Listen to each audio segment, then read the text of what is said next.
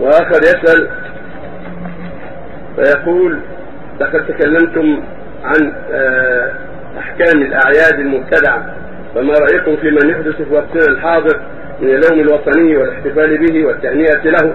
أفتونا جزاكم الله خيرا. وهذا اليوم الوطني هو من التشبه في أعداء الله.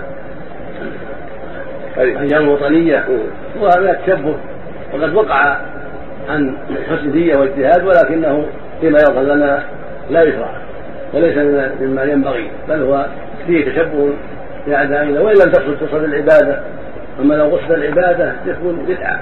لكن لم تقصد العبادة وإنما قصد من ذلك التهاني وإظهار ما أنشأت الدولة وما بذلت الدولة فهذا يكون معتبرا من جنس الأيام الأخرى التي يحدثها اليهود والنصارى وأشباههم للذكرى أو لأسباب أخرى.